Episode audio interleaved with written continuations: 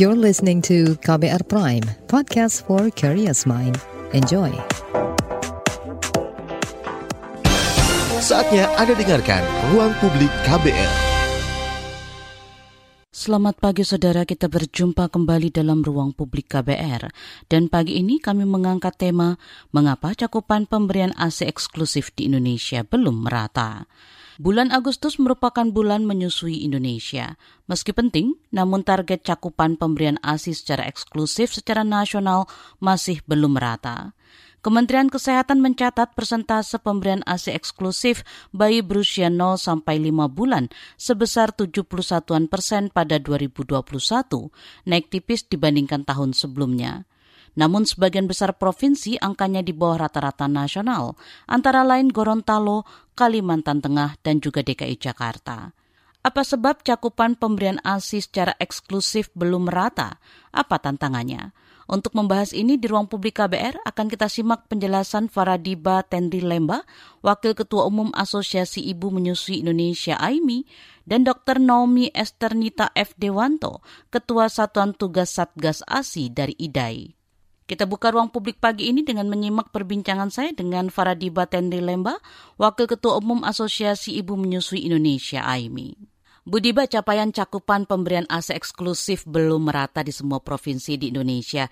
Bahkan beberapa provinsi capaiannya lebih rendah dari capaian nasional yaitu sekira 71 persen. Dalam pandangan Aimi, Bu, apa yang menjadi tantangan dari uh, pencapaian cakupan target pemberian AC eksklusif ini, Bu? Ya, um, dalam peningkatan uh, capaian atau cakupan menyusui ini kan uh, betul-betul harus melibatkan berbagai pihak. Kita ingat uh, bahwa ada ada ada apa jargon gitu ya uh, bahwa jika ingin membesarkan anak-anak mengasuh anak-anak diperlukan satu desa ah waktu itu ya jargonnya tapi dalam hal ini kita bisa artikan bahwa dalam hal pemberian makan uh, anak bayi dan anak itu memerlukan satu negara artinya apa bahwa setiap stakeholder, setiap institusi itu berperan dalam uh, mendukung, melindungi dan uh, memberikan dukungan, perlindungan dan juga edukasi menyusui. Uh, dan itu sangat-sangat uh, tergambarkan pada tahun ini kita uh, mengangkat tema dunia mengangkat tema Pekan Menyusui Sedunia itu dengan uh, berperan lebih dalam mendukung menyusui. Nah, berperan lebih itu artinya setiap institusi, setiap lini itu punya perannya masing-masing. Setiap tahun kan kita mengangkat tema dari peran menyusui dunia begitu ya, World Breastfeeding Week. Dan uh, uh, tahun ini temanya tadi bahwa uh, setiap insan, setiap uh, lembaga, setiap institusi itu mempunyai peran yang lebih untuk mendukung menyusui. Satu ada peranan keluarga, dua ada peranan dari uh, apa uh, tenaga dan fasilitas kesehatan yang kita juga punya 10 LMKM, 10 langkah menuju uh, kesuksesan menyusui. Lalu ada juga peran tokoh masyarakat ya. Uh, dan juga ada peran dari pengusaha, Peran siapa lagi? Peran pemerintah. Kita juga punya di sini uh, peran dari akademisi dan sebagainya. Sehingga uh, tidak hanya membebankan menyusui kepada para ibu dan pasangannya, tetapi juga seluruh uh, pihak-pihak. Dan kita selalu menyampaikan bahwa memang memerlukan kita perlu menciptakan lingkungan yang mendukung menyusui.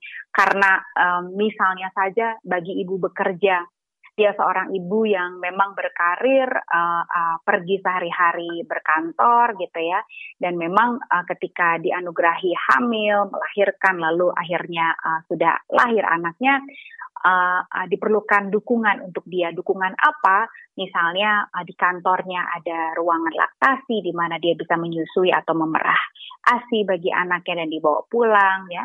Lalu berikutnya dia juga perlu cuti yang memadai tiga bulan dan belakangan ini kita dengar juga ada informasi tentang perpanjang cuti melahirkan. Lalu dia juga perlu dukungan uh, dari kolega di kantornya sehingga ini semua bisa dirancang ketika dia hamil, dirancang untuk apa? Untuk akhirnya sukses menyusui. Sukses menyusui itu artinya dia tetap bekerja setelah dia cutinya selesai dan tetap menyusui. Akhirnya bayi mendapatkan ASI eksklusif selama enam bulan dan akhirnya nanti ASI diteruskan sampai dua tahun atau lebih. Dan informasi ini tentunya sudah banyak masyarakat tahu, tapi mungkin di pagi hari ini kita uh, kembali diingatkan, Bu, apa sebenarnya pentingnya pemberian ASI eksklusif kepada uh, para bayi? Ya, uh, jadi uh, pemberian ASI itu kan uh, menyusui itu uh, tentu bermanfaat untuk tidak hanya bayi, tapi juga ibu, para ayah-ayahnya, keluarga, uh, kalau dia ibu bekerja adalah tempat perusahaannya dan akhirnya kepada negara. Yang kita tahu kalau manfaat untuk bayi tentu saja uh, apa namanya dia sehat, dia terhindar atau turun resikonya untuk banyak sekali penyakit gitu ya. Lalu juga uh, mencerdaskan, lalu uh, dan bagi um, para keluarga yang kurang beruntung di luar sana, ASI bukan saja menyehatkan tetapi juga menyelamatkan. Karena kan mungkin satu-satunya asupan pada saat itu.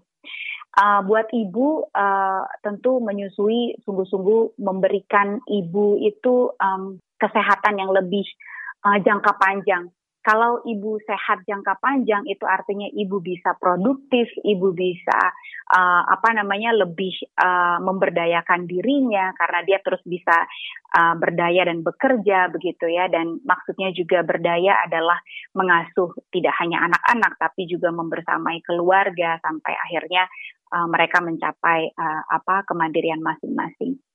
Uh, para suami juga merasa diuntungkan dari menyusui dari pemberian ASI karena anak istrinya sehat, ya anak-anaknya sehat sehingga biaya untuk kesakitan itu bisa dialokasikan untuk edukasi misalnya, untuk menyekolahkan, untuk uh, apa namanya berwisata keluarga dan seterusnya.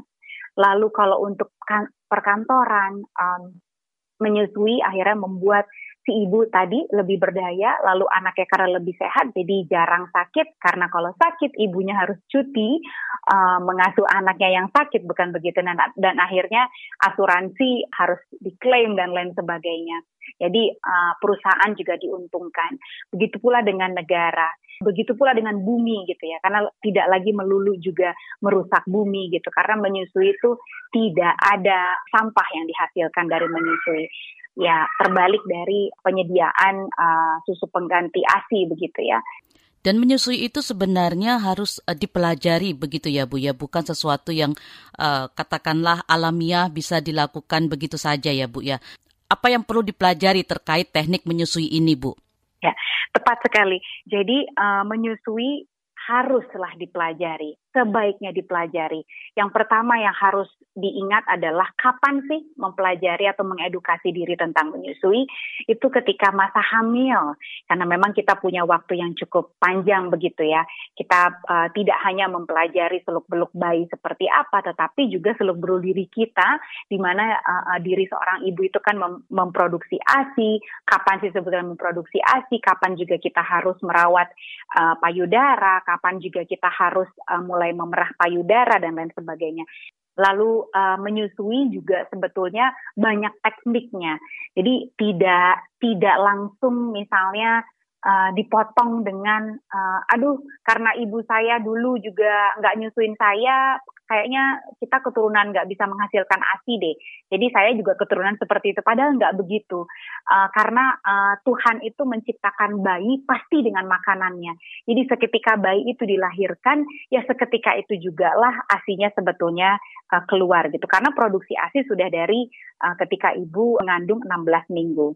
Nah, yang kedua yang harus juga dipahami adalah mengedukasi diri ini bukan hanya untuk ibunya saja, tapi suami sebagai ayahnya si anak. Lalu kalau misalnya kita tinggal bersama dengan ada caretaker atau ada anggota keluarga lain atau ada ibu mertua kita atau orang tua kita juga belajar tentang menyusui. Kok begitu? karena yaitu tadi menciptakan lingkungan yang mendukung menyusui karena kesuksesan menyusui itu terletak pada lingkungannya yang mendukung bukan saja pada pengetahuan ibu keterampilan ibu no tetapi juga pada pemahaman bagaimana sih seorang ayah uh, membantu istrinya yang sedang menyusui, membantu anaknya, cara menggendong gimana sih? Mungkin hal-hal sederhana yang ketika kalau mereka pelajari jadi oh seperti itu cara mijet uh, apa punggung ibu untuk produksi ASI yang lebih lancar, lebih banyak.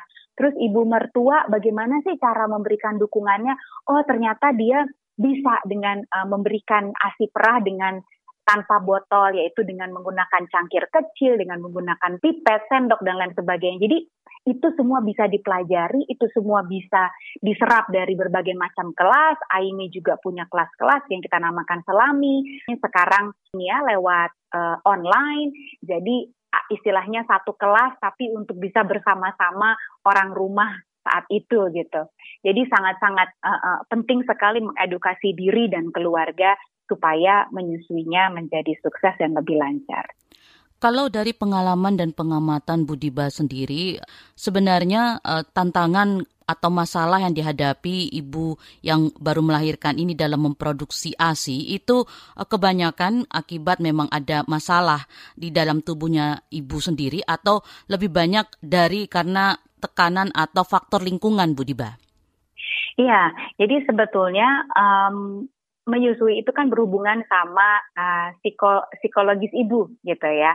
Karena memang uh, menyusui itu sangat tergantung sama apa yang dipikirkan oleh ibu. Jadi kalau ibu berpikir, oh asi saya banyak, dia mengilustrasikan uh, apa namanya air terjun yang lancar deras gitu ya. Uh, asinya pun juga seperti itu uh, akan lancar juga. Namun sebaliknya kalau dia kerap berpikir aduh asiku kayaknya sedikit nih. Aduh asiku kok kayaknya uh, apa namanya tidak uh, apa tidak lancar nggak keluar mandek dan lain sebagainya. Betulan enggak gitu. Jadi uh, padahal ASI itu tetap diproduksi. Selama sebetulnya dikeluarkan diproduksi pula lah ASI di dalam payudara. Nah, jadi yang harus dilakukan sebetulnya adalah bagaimana seorang ibu itu merasa rileks gitu ya. Kalau ibunya memang sedang uh, punya hambatan, kesulitan, dibantulah sama suaminya. Bagaimana suaminya bisa uh, apa namanya membuat ibunya rileks. Jadi tidak semerta-merta langsung menjajing bahwa asinya juga memang sedikit, asinya itu jelek dan lain sebagainya, tetapi dibuat rileks istrinya dengan pijat-pijat lembut, dengan membelikan makanan yang disukai atau yang bisa dimakan oleh istrinya pada saat itu gitu ya. Si si ibu mertua yang tinggal bersama juga bantu dulu megang bayinya sementara si suami memijat uh, istrinya dan lain sebagainya. So tidak ada sebetulnya um, ibu yang tidak bisa menyusui. Jadi uh, semua itu ada pada mindset ibu dan uh, bagaimana supaya mindsetnya lancar ya kita perlu mengedukasi diri supaya ketika ada tantangan, ada hambatan dalam menyusui gitu ya, kita bisa lebih rileks, kita tahu oh ya, ini tuh uh, ternyata kita harus tenang dulu, kita gendong-gendong dulu bayinya, uh, baru uh, lancar asinya kembali. Misalnya ada satu contoh biasanya uh, di hari-hari awal ya setelah melahirkan dan saya baru aja menerima beberapa klien yang bilang bahwa kenapa ya kok uh, ini di hari pertama hari kedua kok saya tidak merasa payudara saya kencang dan memproduksi ASI gitu. Nah, yang harus diketahui kalau misalnya ibu ini tadi yang mengedukasi diri, orang tua yang mengedukasi diri, dia nggak akan panik. Dia tahu bahwa hari pertama, hari kedua itu memang aslinya sangat sedikit. Kenapa sih? Karena lambung bayi itu kan cuma sekecil kelereng gitu. Jadi cuma membutuhkan sangat-sangat minim sekali jumlah ASI. Jadi memang payudara ibu juga seperti itu. Bayangkan kalau misalnya payudara ibu asinya sudah sangat banyak, tapi lambung bayi hanya cuma bisa menerima sedikit gitu ya. Ya betapa sayangnya kan ASI terbuang-buang. Jadi memang sudah diciptakan sedemikian rupa. Nah hal-hal tersebut kalau misalnya si ibu uh, uh, tahu dari awal karena dia mengedukasi dirinya, karena dia meningkatkan pengetahuannya tentang menyusui, dia tidak akan panik, dia tahu mesti ngapain gitu. Masih Anda dengarkan Ruang Publik KBR. Anda masih mendengarkan Ruang Publik KBR. Di segmen ini masih akan kita simak penjelasan Faradiba Tendri Lemba, Wakil Ketua Umum Asosiasi Ibu Menyusui Indonesia, AIMI. Juga uh, sering kerap ditanyakan Bu terkait dengan pemberian ASI ini ya, apakah uh, sebaiknya langsung uh, bayi menyusu pada puting ibu atau uh, juga bisa menggunakan uh, sendok begitu. Sebenarnya apakah ada uh, perbedaan dampak kepada bayi ketika metode-metode uh, ini digunakan Bu? Tentu saja ada, karena um, itu tadi uh, saya menyambung uh, Tuhan itu um, me, apa namanya memberikan bayi sepaket dengan makanannya. Dan bagaimana cara cara bayi itu mendapatkan makanan awalnya yaitu ASI itu dengan menyusui ke payudara ibu. Maka dari itu menyusuilah di dada di payudara ibu gitu. Tentu uh, uh, ada um, sekarang karena kita tuntutan zaman juga ya uh, apa uh, uh, ibu bekerja lalu juga uh, banyak sudah ada alat untuk uh, memerah ASI. Kita juga diberikan keterampilan bagaimana tangan memerah dengan tangan dan lain sebagainya. Jadi ASI juga sudah ada kulkas dan bisa disimpan dalam waktu yang uh, cukup panjang gitu. ASI bisa dipanaskan ada lagi mesinnya dan caranya. Sehingga memang bisa ASI itu bisa diperah bisa diberikan melalui uh, apa namanya cangkir, pipet, uh, sendok dan lain sebagainya, bukan botol. Nah, tapi yang kita sangat-sangat sarankan adalah menyusuilah dengan payudara, dari payudara, dari tidak hanya puting tapi juga mengambil seluruh aerola. Kenapa? Karena di sinilah tercipta bonding hubungan ibu dan bayi, hubungan bayi dan ibu. Dan juga isapan mulut bayi kepada payudara ibu itu stimulasi yang sangat baik untuk produksi selanjutnya. Jadi beda sekali dengan alat perah ya. Tentu kalau alat benda mati tentu saja berbeda. Jadi uh, kita sangat-sangat menyarankan di antara kalau misalnya ibu itu harus bekerja, di antara dia bekerja malamnya, paginya sebelum berangkat dan malamnya sore dan malam sepanjang tidur dia bertemu bayi, menyusulah langsung di payudara, menyusulah langsung dari payudara. Dan jadi ada kombinasinya sehingga dia tetap punya bonding itu, sehingga dia tetap dapat uh, payudara dapat stimulasi dari hisapan bayi dan masih banyak lagi gitu keuntungan-keuntungan menyusui langsung di payudara. Jadi beda banget Uh, memang banyak per hari ini ada ibu-ibu yang eksklusif pumping namanya. Jadi dia memerah terus-menerus gitu ya. Karena memang akhirnya bayinya kesulitan uh, apa kesulitan mengambil payudara ibunya dan menyusul langsung ke payudara. Nah, itu yang harus kembali lagi dipelajari seperti apa sih bayi meletakkan bayi di payudara gitu. Dan kenapa menjadi sulit bayi bayi uh, menyusul langsung pada payudara? Karena uh, ini ini adalah momok dari menyusu pada botol gitu ya. Uh, kita memang tidak menyarankan botol karena memang nanti dia bingung puting. Kenapa bingung puting? Karena dot botol sama payudara ibu itu dua hal yang bekerjanya bertolak belakang.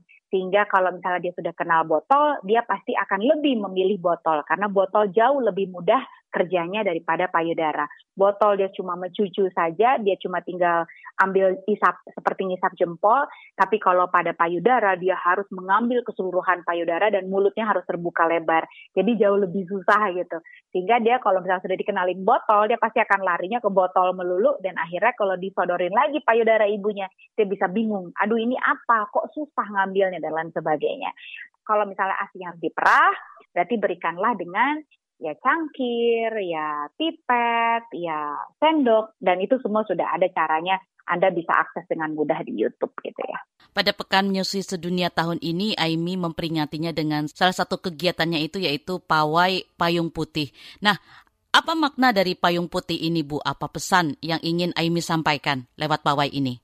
Iya, jadi sebetulnya uh, payung putih uh, beraksi ini kita bisa uh, adalah uh, apa uh, gerakan global sebetulnya. White umbrella ini bukan saja kita lakukan di AIMI begitu ya, tetapi juga seluruh dunia juga melakukan itu. Kita turun ke jalan aksi damai uh, yang dilambangkan dengan payung putih, lalu uh, kita bisa cat uh, coklat gitu ya di di apa di uh, pangkal payung yang menandakan aerola. Jadi uh, melambangkan aerola sehingga dari kejauhan tuh ya seperti bentuk payudara dengan aerolanya gitu. Uh, bisa juga warnanya pink karena kan uh, apa namanya aerola perempuan kan tidak hanya coklat tapi juga ada yang pink dan berbagai macam warna. Nah, hal ini sebetulnya melambangkan bahwa kita menormalisasi payudara. Jadi tidak melulu kayak kayak waktu kita turun ke jalan itu uh, uh, selalu uh, dibilangnya kok uh, porno sih, uh, kok payungnya kayak payudara gitu. Padahal kita ingin bilang bahwa uh, melihat payudara ya dengan dilambangkan dengan payung putih. Uh, lalu ada aerola coklatnya itu ya normalisasi bahwa payudara itu bukan melulu tentang uh, pornografi tentang porno aksi no tetapi ya payudara berfungsi utamanya yaitu ya produksi ASI dan tempatnya bayi kita menyusu gitu. Jadi kita ingin menormalisasi itu dan uh, white umbrella juga uh, melambangkan bahwa kita mempromosikan, kita melindungi, kita mendukung menyusui. Jadi uh, tidak hanya uh, apa namanya kita-kita saja artinya para uh, pelaku, uh, para aktivis menyusui yang mengerti ini, tetapi juga kita ingin sebar kepada masyarakat dan akhirnya nanti masyarakat menjadi tahu, oh iya ya bahwa kita berperan juga dalam menyusui, meningkatkan cakupan menyusui itu. Iya, mungkin bisa dibagikan uh, apa namanya saluran informasi yang dimiliki AIMI untuk para pendengar kita yang mungkin ingin lebih banyak mencari tahu soal menyusui ini dan AC eksklusif, Bu. Ya, jadi um, AIMI uh, bisa diakses uh, di website kita website kita aimi eh, www.aimi-asi.org. Lalu kita juga uh, bisa diakses di Instagram at aimi underscore asi. Sama hal dengan Twitter. Lalu uh, kita juga punya Facebook Asosiasi Ibu Menyusui Indonesia. Dan di dalam semua sosial media kita, uh, kita selalu memberikan informasi tentang uh, selami. Selami ini adalah um, kelas menyusuinya Aini secara online di mana uh, seluruh orang tua di seluruh Indonesia itu bisa mengikutinya sepanjang punya akses uh, internet begitu ya dan diajar oleh para uh, konselor menyusui Aini yang kompeten dan sudah uh, melalui training dan juga uh, apa namanya capacity building. Lalu uh, Aini juga sebetulnya mengajak uh, para uh, orang tua, para masyarakat di luar sana untuk uh, tidak perlu khawatir dengan uh, kita masih ada COVID-19 ya, Mbak. Jadi uh, masih ada virus COVID di luar sana. Ibu yang terkena uh, virus SARS-CoV ini tetap bisa menyusui bayinya yang negatif atau sebaliknya bayinya positif juga kalau ibunya negatif tetap bisa menyusui dengan prokes jadi tetap dengan um, bermasker uh, medis begitu ya, cuci tangan dengan sabun tentu saja, gendong dan menyusui lah gitu ya. Nanti kalau misalnya uh, ibunya harus dirawat, ikut bayinya bersama dengan ibunya yang dirawat. Sepanjang memang dirawatnya uh, apa dengan dengan uh, gejala yang ringan, gejala yang yang masih bisa dia bergerak uh, memeluk bayinya dan menyusuinya dan uh, sisanya uh, beristirahat gitu ya dan tetap mengkonsumsi makanan yang sehat. Masih Anda dengarkan Ruang Publik KBR.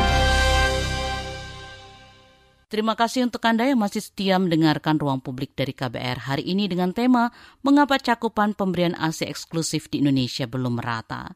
Berikutnya akan kita simak penjelasan Dr. Naomi Esternita F. Dewanto, Ketua Satuan Tugas Satgas ASI IDAI. Penjelasan ini kami kutip dari media briefing dengan tema Pekan Menyusui Dunia 2022 yang diadakan Ikatan Dokter Anak Indonesia IDAI. Kita uh, bicara mengenai dukungan menyusui melalui optimalisasi warm chain selama seribu hari pertama kehidupan. Ini adalah outline yang akan uh, dibicarakan mengenai pekan menyusui sedunia seribu hari pertama, data dan masalahnya, apa itu warm chain dan peran IDAI. Seperti kita ketahui bahwa menyusui itu dapat mencegah sekitar 20 ribu kematian ibu setiap tahunnya 823 eh, ribu kematian bayi setiap tahunnya dan mencegah kehilangan 300 eh, miliar dolar di bidang ekonomi setiap tahunnya.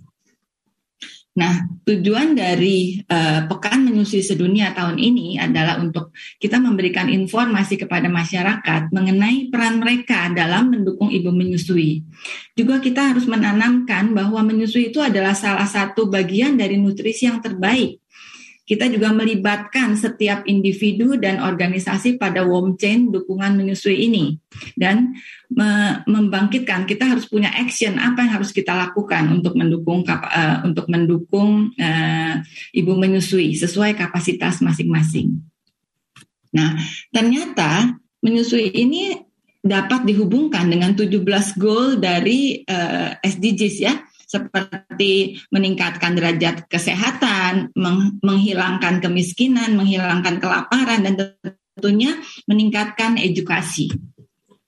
Kita semua tahu bahwa seribu hari pertama itu penting sekali, dimulai sejak konsepsi sampai dua tahun pertama kehidupan. Kenapa demikian? Karena ternyata total volume otak bayi itu uh, mencapai 3 persen sampai usia 2 tahun. Jadi dua, dua tahun pertama ini dari konsepsi sampai dua tahun pertama ini benar-benar uh, multiplikasi sel-sel otak sampai 83 persen. Jadi itu sangat penting untuk kita sama-sama perhatikan. Nah, evidence juga mengatakan bahwa uh, sesuatu harus dicegah terjadinya kerusakan daripada kita mengobati yang sudah uh, terjadi kelainan atau kerusakan. Oleh karena itu, nutrisi ibu hamil seharusnya sangat diperhatikan mulai dari konsepsi. Nah, setelah bayi lahir harus diberikan ASI eksklusif sampai enam bulan, kemudian setelah enam bulan harus diberikan uh, didampingi dengan MPASI yang aman dan adekuat kita juga tahu bahwa ASI itu juga merupakan imunisasi pertama untuk bayi untuk menghindari penyakit dan mencegah kematian. Nah, oleh karena itu, investasi di seribu hari pertama adalah anak-anak yang mendapat nutrisi yang baik ini ternyata menurut literatur 10 kali lebih punya kemampuan untuk mengatasi penyakit-penyakit yang mengancam nyawa. Dan juga ternyata dapat menyelesaikan pendidikan 4,6 tingkat lebih tinggi di sekolah dibanding anak-anak yang tidak mendapatkan nutrisi yang baik dan uh, mendapat upah 21% lebih tinggi setelah dia bisa bekerja. Dan ternyata mempunyai keluarga yang lebih sehat saat dewasa. Nah, bagaimana dengan faktanya?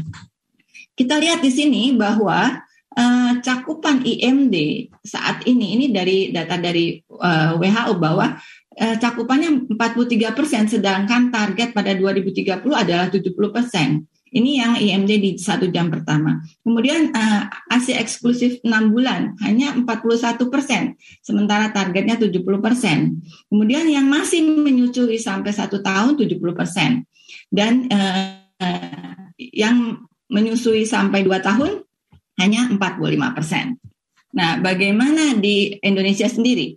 Menurut Riskesdas, ini adalah uh, cakupan ASI eksklusif di Indonesia dari tahun 2014, 2015 dan seterusnya. 2018 terjadi penurunan sampai 37,3 persen. Dan uh, angka dari UNICEF terakhir bahwa tahun 2021 saat hanya satu dari dua bayi yang disusui eksklusif sampai enam bulan, artinya sekitar sekitar 50 persen. Nah, apa masalahnya?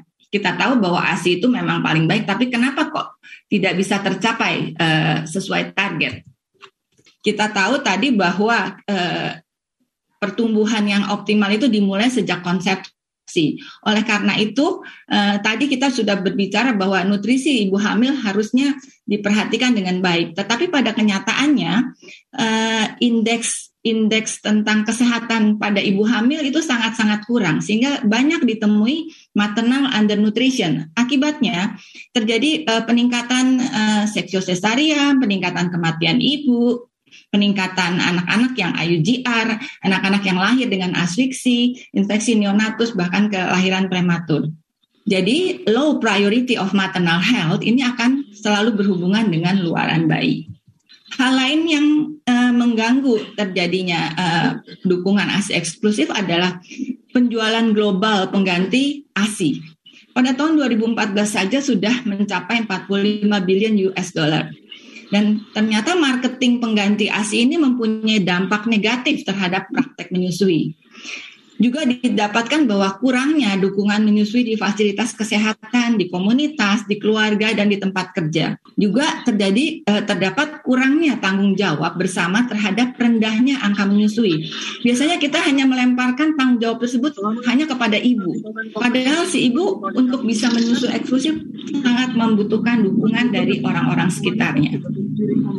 Nah, oleh karena itu, Pekan Menyusui Sedunia 2022 ini uh, mengambil tema yang mengaktifkan warm chain untuk mendukung menyusui.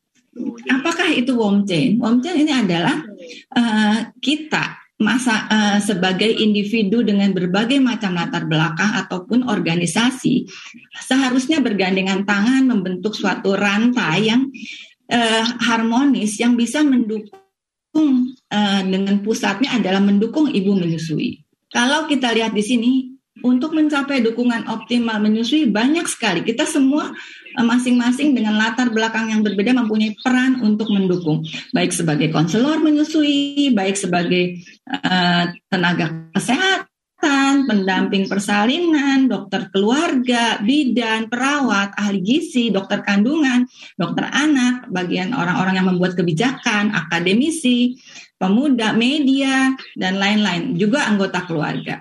Saya tidak uh, membuat detail satu persatu, tetapi saya contohkan saja, misalnya pengusaha, apa sih perannya? Tentu dia punya uh, wewenang untuk memberikan dukungan, memberikan kesempatan, memberikan ruangan kepada eh, pekerja-pekerja wanitanya untuk memerah ASI misalnya di tempat kerjanya. Bagaimana dengan media? Di sini banyak tekan-tekan media. Ternyata gaungnya media itu besar sekali. Ada suatu studi yang uh, mencari determinan apakah yang menyebabkan uh, ASI itu bisa didukung dengan baik. Ternyata salah satunya adalah uh, intervensi dari media. Jadi uh, media media mempunyai peran yang sangat penting. Kemudian contoh lain adalah dokter kandungan. Memang uh, bayi menyusui setelah setelah melahirkan, tetapi proses itu harus dimulai sejak dalam kandungan. Jadi dokter objin mempunyai peranan memberikan uh, masukan atau konsultasi antenatal yang uh, memberikan si ibu semangat atau mendukung si ibu untuk mempersiapkan dirinya untuk uh, menyusui. Bahkan juga kalau perlu di, dikonsulkan ke dokter anak untuk dilakukan antenatal counseling. Uh, dalam seribu hari pertama ini yang dimulai dari hamil sampai lahir dua tahun ini banyak sekali peran kita eh, sejak dari antenatal, dari persalinan sampai perawatan. Dan ini adalah aktor-aktor yang tadi saya sebutkan. Oke, okay. apa perannya bisa sebagai memberikan konsultasi, bisa uh, menapis apakah ini yang high risk atau tidak, bagaimana cara menyusuinya, dan kita memberi, mengajar atau menjadi pemecah solusi bila si ibu punya masalah. Ini bisa dilakukan sejak antenatal sampai uh, tahun. Contohnya, misalnya orang tua yang membutuhkan informasi dan konseling menyusui dengan baik itu tentunya uh, membutuhkan tenaga kesehatan yang bekerja sama dengan masyarakat untuk memastikan bahwa si ibu ini menerima informasi yang benar. Atau contoh lain, ibu membutuhkan perawatan sayang bayi selama selama persalinan dan bimbingan menyusui. Tentunya kita harus menyiapkan kurikulum pendidikan kesehatan dan pelatihan yang uh, untuk untuk tenaga kesehatan supaya memiliki kompetensi yang dibutuhkan. Nah, contoh lain, semua aktor di dalam Wong Chain ini perlu diperkuat untuk mencapai target menyusui. Untuk itu, pemerintah dan pengambil keputusan perlu berin, berinvestasi dalam pendidikan dan dukungan menyusui. Jadi faktanya apa tentang warm chain ini? Ternyata konseling, edukasi, dukungan menyusui ini uh, dengan manajemen laktasi yang baik dapat meningkatkan ASI eksklusif sampai 50%. Juga intervensi yang menyediakan konseling antenatal dan postnatal itu lebih efektif daripada yang hanya menargetkan hanya pada satu periode saja. Kemudian kebijakan cuti melahirkan itu ternyata juga efektif untuk meningkatkan uh, ASI eksklusif. Juga dengan investasi, investasi dari pemerintah dan uh, partnernya untuk membantu meningkatkan ASI eksklusif sampai 50%. Nah, oleh karena itu WHO uh, mengeluarkan suatu global breastfeeding scorecard yang mendukung atau melindungi ibu-ibu menyusui terutama sejak eh, masa pandemi ini. Ada tujuh agenda prioritas yang dikeluarkan WHO yaitu tentang funding, International Code of Marketing uh, of Breast Milk Substitute, maternity protection di in the workplace, baby friendly hospital initiative, breastfeeding counseling and training, community support programs dan monitoring system. Saya akan membahas secara ringkas saja satu persatu eh, tentang pendanaan. Artinya ini eh, adanya suatu investasi untuk program, untuk kebijakan promosi dan perlindungan. Ini Bank Dunia sudah eh, memperkirakan ada investasi sekitar hampir 5 dolar per bayi untuk mencapai target global 50% ASI eksklusif pada tahun 2025. Kenyataannya hanya 6% dari negara-negara yang uh, mendapatkan bantuan internasional 5 dolar per bayi itu. Kebanyakan hanya satu dolar per bayi. Masih Anda dengarkan Ruang Publik KBR. Kita tiba di bagian akhir ruang publik KBR hari ini. Kita masih akan mendengarkan penjelasan Dr. Naomi Esternita F. Dewanto, Ketua Satuan Tugas ASI IDAI. Penjelasan ini kami kutip dari media briefing dengan tema Pekan Menyusui Dunia 2022 yang diadakan Ikatan Dokter Anak Indonesia IDAI. Ini uh, tentang kepatuhan terhadap kode internasional pemasaran pengganti ASI. Perlu sekali batasan yang sesuai dalam promosi uh, uh, pengganti ASI untuk perlindungan menyusui. Pemerintah harus melaksanakan dan berlakukan perundang-undangan sesuai kode. Secara global, hanya 13 persen negara yang melaksanakan perundang-undangan sesuai kode ini. Target pada 2030 ada 40 persen. Nah, ini perlindungan menyusui untuk ibu bekerja. International Labour Organization Convention dari C183 mengatakan hak cuti melahirkan 14 minggu dengan diberikan waktu istirahat dan ruang laktasi yang memadai saat kembali bekerja. Tapi selanjutnya ada rekomendasi dari ILO tersebut 18 minggu cuti melahirkan dengan tetap dibayar 100%. Saat ini hanya 11% negara yang mengikuti standar tersebut. Uh, targetnya 25% pada tahun 2030. Kemudian Baby Friendly Hospital Initiative ini adalah implementasi dari 10 LMKM. Saya tidak bahas banyak, tetapi saat ini baru sekitar 14 persen negara yang melaporkan bayinya lahir di rumah sakit dengan fasilitas sayang bayi. Sementara target adalah 40 persen di tahun 2030. Nah, pelatihan dan konseling menyusui. Ini ada untuk meningkatkan akses konseling menyusui di fasilitas kesehatan. Untuk itu, kita harus melatih tenaga kesehatannya untuk punya pengetahuan dan uh, keterampilan untuk mendampingi ibu menyusui. Kemudian, program dukungan komunitas ini untuk meningkatkan kerjasama untuk melindungi, mempromosikan, dan mendukung menyusui. Data dari UNICEF, 72 persen dari 102 negara yang punya program tersebut dengan target 80 persen pada tahun 2030. Nah, ini adalah yang terakhir sistem pemantauan. Artinya kita harus mengevaluasi dan uh, terus-menerus uh, melaporkan dan mengevaluasi apa yang sudah kita lakukan ada World Breastfeeding Trend Initiative yang hanya 25% negara dalam lima tahun terakhir ini yang melaporkan dengan target 75% pada tahun 2030. Ini adalah ringkasan dari yang tadi uh, saya bicarakan bahwa seperti ringkasan dari yang tadi bahwa hanya 14% yang mendukung uh, baby friendly hospital dan lain sebagainya. Kembali ke agenda prioritas ini, sebenarnya IDAI sudah berperan dalam semua uh, uh, prioritas ini. Tetapi saya akan lebih membicarakan mengenai breastfeeding counseling and training. Jadi peran IDAI, kami dari Satgas ASI IDAI membuat modul pelatihan Indonesian Breastfeeding Course for Clinician. Ini sesuai dengan tema dari Pekan Menyusui Sedunia tahun ini yaitu Educate and Support. Pelatihan ini sudah disertifikasi IDAI dengan target dokter umum dan dokter spesialis anak seluruh Indonesia. Kembali lagi kenapa perlu diadakan pelatihan? Ternyata dari hasil Riskesdas tahun 2018, AC eksklusif hanya 37,3 persen, dan ternyata dari data UNICEF tahun 2021, angka IMD menurun dari sekitar 58 persen menjadi 48 persen. Dan dari survei kami lakukan pada tahun 2020 terhadap 860 dokter spesialis anak di seluruh Indonesia, ternyata 75 persen dari responden itu mengatakan belum pernah mendapat pengetahuan tentang dukungan menyusui yang komprehensif selama pendidikan. Dan kira-kira 99% responden menyatakan sangat tertarik untuk mengikuti seminar atau pelatihan terkait dukungan menyusui.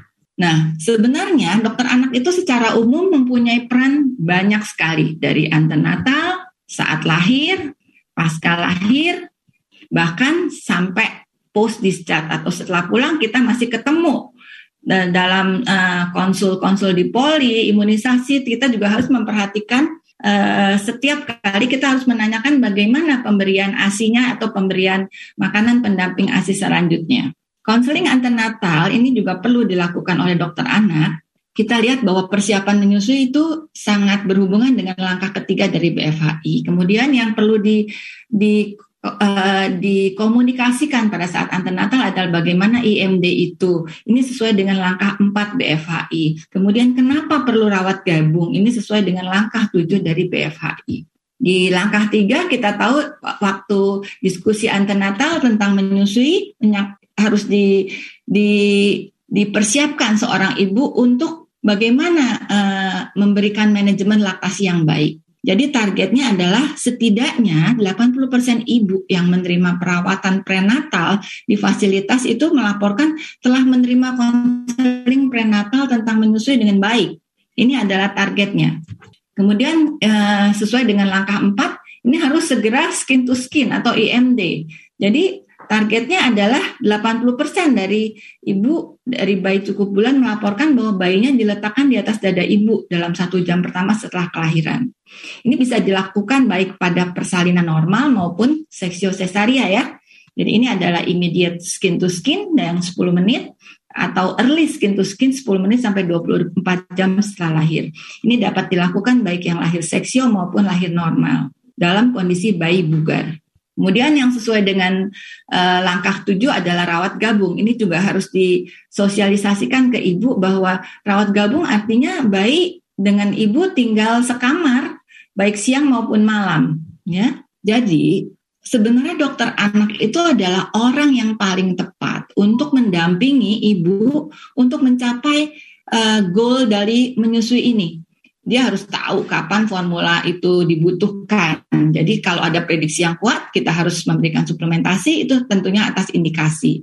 Juga eh, bagaimana guideline suplementasinya, masalah yang dihadapi dalam 3-7 hari pertama, eh, pengaruh dari kultural bagaimana. Itulah sebabnya baik AAP maupun CDC sendiri menganjurkan untuk tetap melakukan training dokter atau dokter anak untuk update kurikulum mengenai ASI. Kita juga tahu bahwa kekhawatiran ibu tentang volume ASI pada dua minggu pertama itu dapat menjadi penghambat sehingga gagal terjadi ASI eksklusif sampai usia enam bulan. Ini adalah masalah-masalah yang sering dihadapi. Masalah itu eh, bisa datang dari bayi, misalnya bayi yang sakit atau prematur, bayinya kembar, atau kelainan anatomi di uh, mulut bayi, atau peningkatan berat badan bayi yang tidak ideal, posisi dan pelekatan yang salah, bayinya tidak mau disusui atau dan lain sebagainya juga masalah dari ibu. Misalnya ini adalah kehamilan pertamanya, ibunya depres, tidak tidak mau rawat gabung, kurang dukungan keluarga, uh, terlambat mulai menyusuinya. Ini adalah hal-hal yang kita temui sehari-hari dan ternyata ini adalah Eh, masalah-masalah atau kendala yang harus kita atasi bersama untuk bisa mendukung ibu menyusui. Oleh karena itu, modul pelatihan yang kami buat meliputi satu tentang fisiologi menyusui, dua persiapan dan uh, persiapan prenatal dan IMD, tiga pendampingan menyusui selama tiga hari pertama dan baby friendly hospital, kemudian penilaian dan masalah menyusui yang terjadi pada ibu, kemudian yang kelima penilaian dan tata laksana menyusu dan uh, masalah menyusu pada bayi, kemudian pemantauan pertumbuhan bayi ASI eksklusif dalam enam bulan, pemberian ASI pada bayi prematur dan bayi sakit, dan komunikasi konseling. Kemudian juga ada skill station dalam arti kita melakukan uh, simulasi kasus dan melakukan hands-on praktek-praktek hands-on uh, langsung. Jadi tujuan pelatihan untuk klinisi ini adalah kita mau membuka wawasan sehingga ter, perkembangan terkini dukungan menyusui dapat sampai ke kita semua.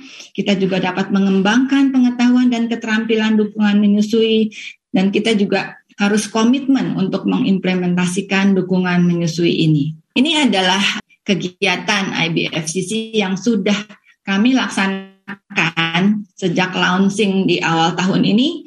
Yang pertama adalah di DKI, kemudian ini adalah di Jawa Timur, yang uh, kemarin terakhir adalah di Sumatera Barat. Ini uh, contoh skill station. Dan sekarang kami melaksanakan IBFCC bertepatan dengan Pekan Menyusui Sedunia ini di Idai, Banten. Oke. Jadi kesimpulannya Pekan Menyusui Sedunia 2022 ini berfokus pada peningkatan kapasitas semua aktor yang bekerja sama dalam warm chain. Juga pemberian nutrisi yang adekuat dalam seribu hari pertama ini merupakan investasi bangsa.